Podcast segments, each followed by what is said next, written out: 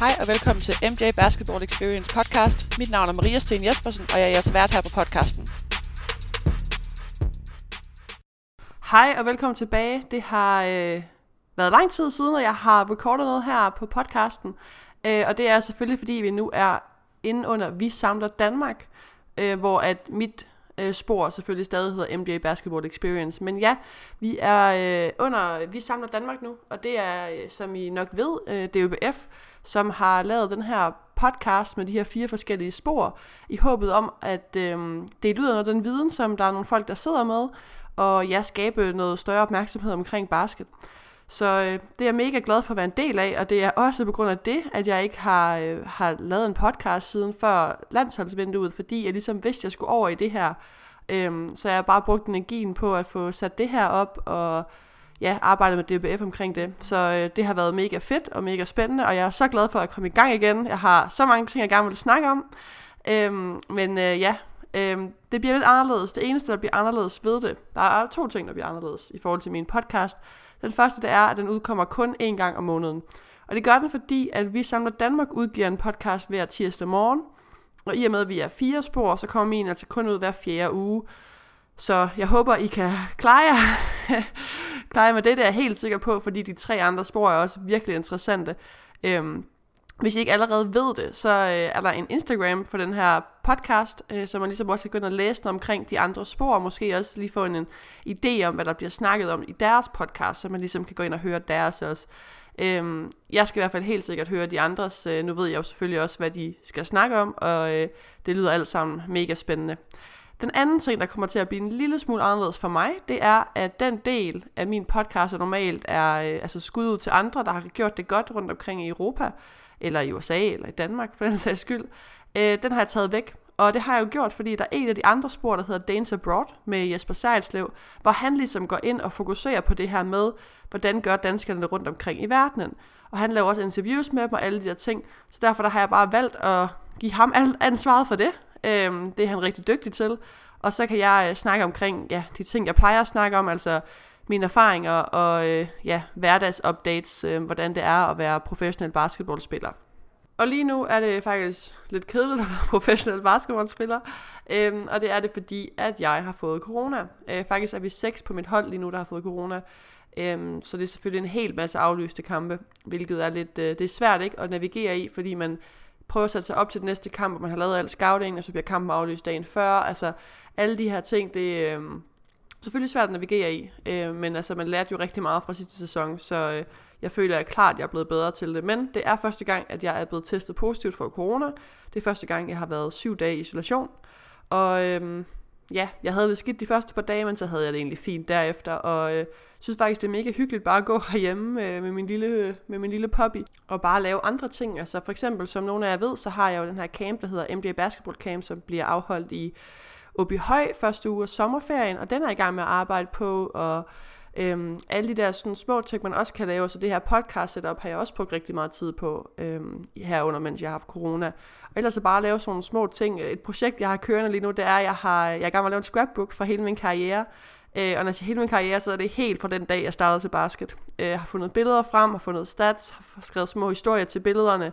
Øh, ja, den er, den er mega hyggelig at sidde og lege i. Øh, og øh, ja, det, det er bare sådan nogle gode minder, ikke? Altså man, man samler, og øh, det har været virkelig sådan en virkelig god oplevelse at sidde og se alle de, de fede oplevelser, man har haft med det. Øh, det får ligesom en lyst til at, altså man får lyst til at fortsætte, øh, det gør man helt sikkert, og skabe nogle flere minder, så jeg kan fylde den her bog ud, så den bliver rigtig tyk. øhm, men ja, det, øh, det er status lige nu. Øhm, ellers så... Øh, begynder vi at vinde nogle flere kampe, øh, ko eller kvæg. Vi har fået en ny træner, som rent faktisk er dygtig. Øh, vi har fået sindssygt mange nye spillere, også alle sammen postspillere. Så ja, som altid, så sker der rigtig mange spændende ting her i Leganes. Det er seriøst. Altså, jeg kunne skrive en hel bog omkring altså, Leganes og deres organisation. Det er fandme interessant nogle gange. Øh, men som sagt, så er vi begyndt at vinde kampe, og vi er begyndt at spille bedre, synes jeg. Øh, og vi ligger, der er, i Spanien så har de to playoffs der har, de har det rigtige playoffs, og så har de noget, der hedder Copa. Jeg prøver, når jeg forklarer til danskere, så siger jeg tit, det er lidt ligesom at spille pokalfinale. Det er det ikke helt. Men det er de otte bedste hold efter første runde, så man spiller mod alle holdene to gange. Og når du så har spillet mod alle holdene én gang, så er det de otte bedste hold, der går til Copa. Og vi har faktisk kommet så højt op i øh, rangeringerne, at øh, vi mangler stadig at spille to kampe, og det gør vi på grund af corona. Øh, men hvis vi vinder de to kampe, så kommer vi faktisk til Copa. Og det har været en af mine drømme med at spille øh, i Spanien, det er at, ja, at komme til Copa og komme til playoff, for det har jeg aldrig prøvet i Spanien. Øhm, og nu skal jeg passe på, hvad jeg siger, men jeg har på fornemmelse, at det bliver min sidste sæson i Spanien, fordi jeg bare gerne vil ud og prøve noget andet. Øhm, når jeg siger, at jeg skal passe på, hvad jeg siger, så er det selvfølgelig fordi, at man aldrig rigtig ved, hvad der kommer til at ske, og hvad for nogle muligheder, man kommer til at få i, øh, i Spanien. Jeg sagde det for eksempel til min agent, og han var sådan, ah, nu skal du lige vente og se, eller, eller Spanien er en af de bedste ligaer. Og det kan også være, at det er den rigtige beslutning at blive i Spanien, men jeg kan også bare mærke, at sådan nogle gange har man brug for ligesom at prøve noget andet. Ikke? Altså sådan, nu har jeg været i Spanien i fire år. det er lige så lang tid, som jeg var på college. Øhm, så jeg tænker, at det kunne være sjovt at prøve noget andet. Der er jo ikke nogen, der stopper mig for at komme tilbage til Spanien senere, men øh, jeg har godt tænkt mig at prøve noget andet. Anyway, så en af mine mål, inden jeg forlader Spanien, hvis jeg forlader Spanien, det er at, øh, at spille det her Copa og spille playoffs. Så øh, vi skal helst vinde de to kampe, så jeg kan få indfriet mit mål. Øh, ellers så, øh, så ser det skidt ud, så bliver jeg nødt til at blive i Spanien, og det, øh, det har jeg jo ikke rigtig lyst til. Så. Men vi får se, vi får se. Øhm, jeg tror, at jeg vil øh, starte med starte den her podcast, eller hvad man skal sige, med der, hvor jeg sluttede, da jeg stoppede med at lave podcast tilbage i november. Det var selvfølgelig efter vores landsholdsvindue. Øhm, og som forhåbentlig de fleste her ved, så vandt vi med 35 over Østrig. Øhm, mega vigtig sejr, mega fed sejr at få på hjemmebane foran øh, en fyldt Gentoftehal. Øh, så det var lige som det skulle være. Øh, der kan man ikke sætte nogen fingre på. Men noget jeg vil snakke om i forhold til det her, altså da vi skulle spille de her landsholdskampe, specielt den på hjemmebane, det var, at hele sidste runde, der var vi underdogs. Alle kampene var der ikke nogen forventet, at vi skulle vinde, og det hele, det var sådan, hvis vi, hvis vi, ja, hvis vi vandt, så var det sådan en sensation, hvor at hvis vi ikke vandt over Østrig, ville det være virkelig skidt. Øhm, måske ikke så meget sådan i forhold til rankings, for der lå vi faktisk forholdsvis oven i hinanden, men sådan i blandt os på holdet og trænerstablen, der var vi sådan, det her det er et hold, vi skal slå, og da vi sad og så scout, var vi også sådan, vi skal slå dem. Og det gav jo bare et andet pres. Øhm, der var en af mine holdkammerater, eller faktisk et par stykker, der var sådan, hvordan forbereder du dig til de her kampe, der er så vigtige? Øhm, og jeg tror, at for mig så er tricket, at jeg forbereder mig på samme måde til alle kampe. Altså jeg gør ikke forskel på, om jeg skal spille mod Rusland eller Østrig. Jeg gør ikke forskel på, om jeg skal spille landsholdskamp, eller jeg skal spille en kamp hernede i, i Spanien. For mig så er de alle sammen kampe, og de er alle sammen det samme. Jeg gør det samme før hver kamp, når jeg spiller altså i preseason, altså hvor til kampe, som ikke betyder en skid. Og det gør jeg for at opbygge den her rutine.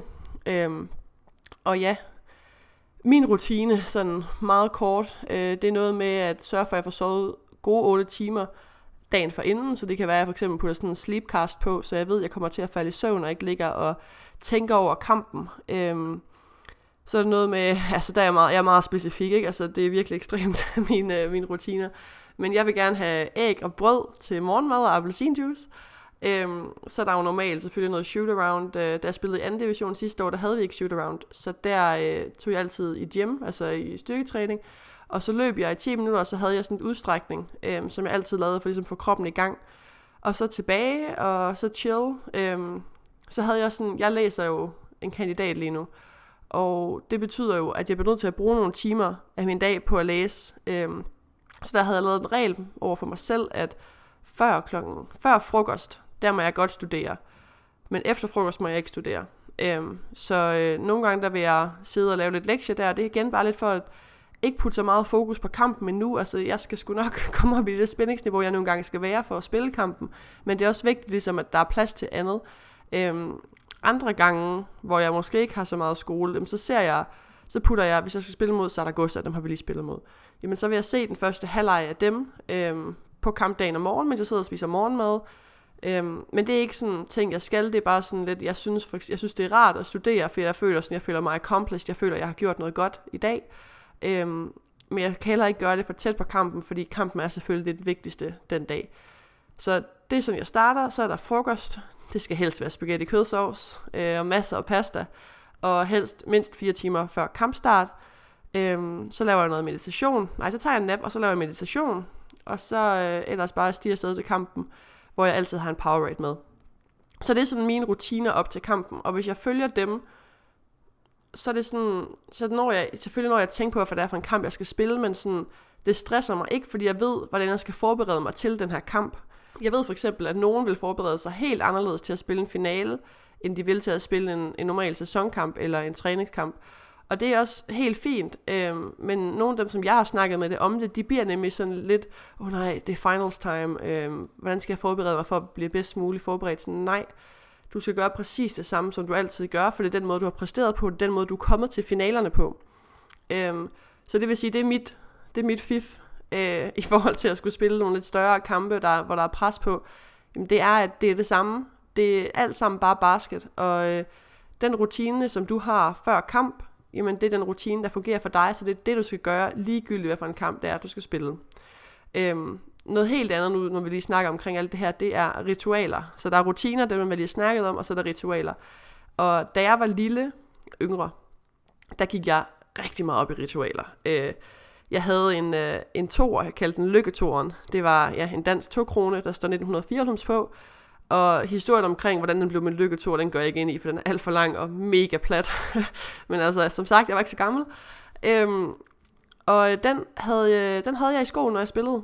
Alle mine ungdomsår. Alle ungdomskampe. Jeg spillede Scania Lund, pokalfinaler, DM, alt. Der lå den der to nede i min venstre sko. Og det var meget vigtigt, det var venstre sko. Og det var det selvfølgelig, fordi min venstre side skulle have power. Jeg er højrehåndet. Og øhm, de, som de fleste højrehåndede er jeg klart bedre om min højre end min venstre. Så derfor der skulle lykketoren selvfølgelig ligge over i venstre sko. Øh, så det var, at den kunne give venstre side noget power. Øh, dagen, altså, den dag, jeg skulle spille kamp, der tog jeg den altid på rundt om mit arm, eller rundt om mit håndled, i sådan en lille grøn tråd. Øhm, og igen var det på venstre håndled, fordi at venstre skulle have noget power. Øhm, så det er for eksempel et eksempel på et ritual, jeg havde. Jeg har faktisk ikke så mange ritualer mere, så skulle det være sådan noget med øhm, sætte mit hår på en bestemt måde, eller have nogle bestemte sportstop, eller tights, eller sokker på, eller sko. Altså sådan, men det er ikke rigtige ritualer, dem har jeg faktisk ikke så mange af mere. Øh, men jeg havde den gang. Det, der er problemet med ritualer, og egentlig også nogle gange rutiner, det er nogle gange, der kan du ikke følge dem.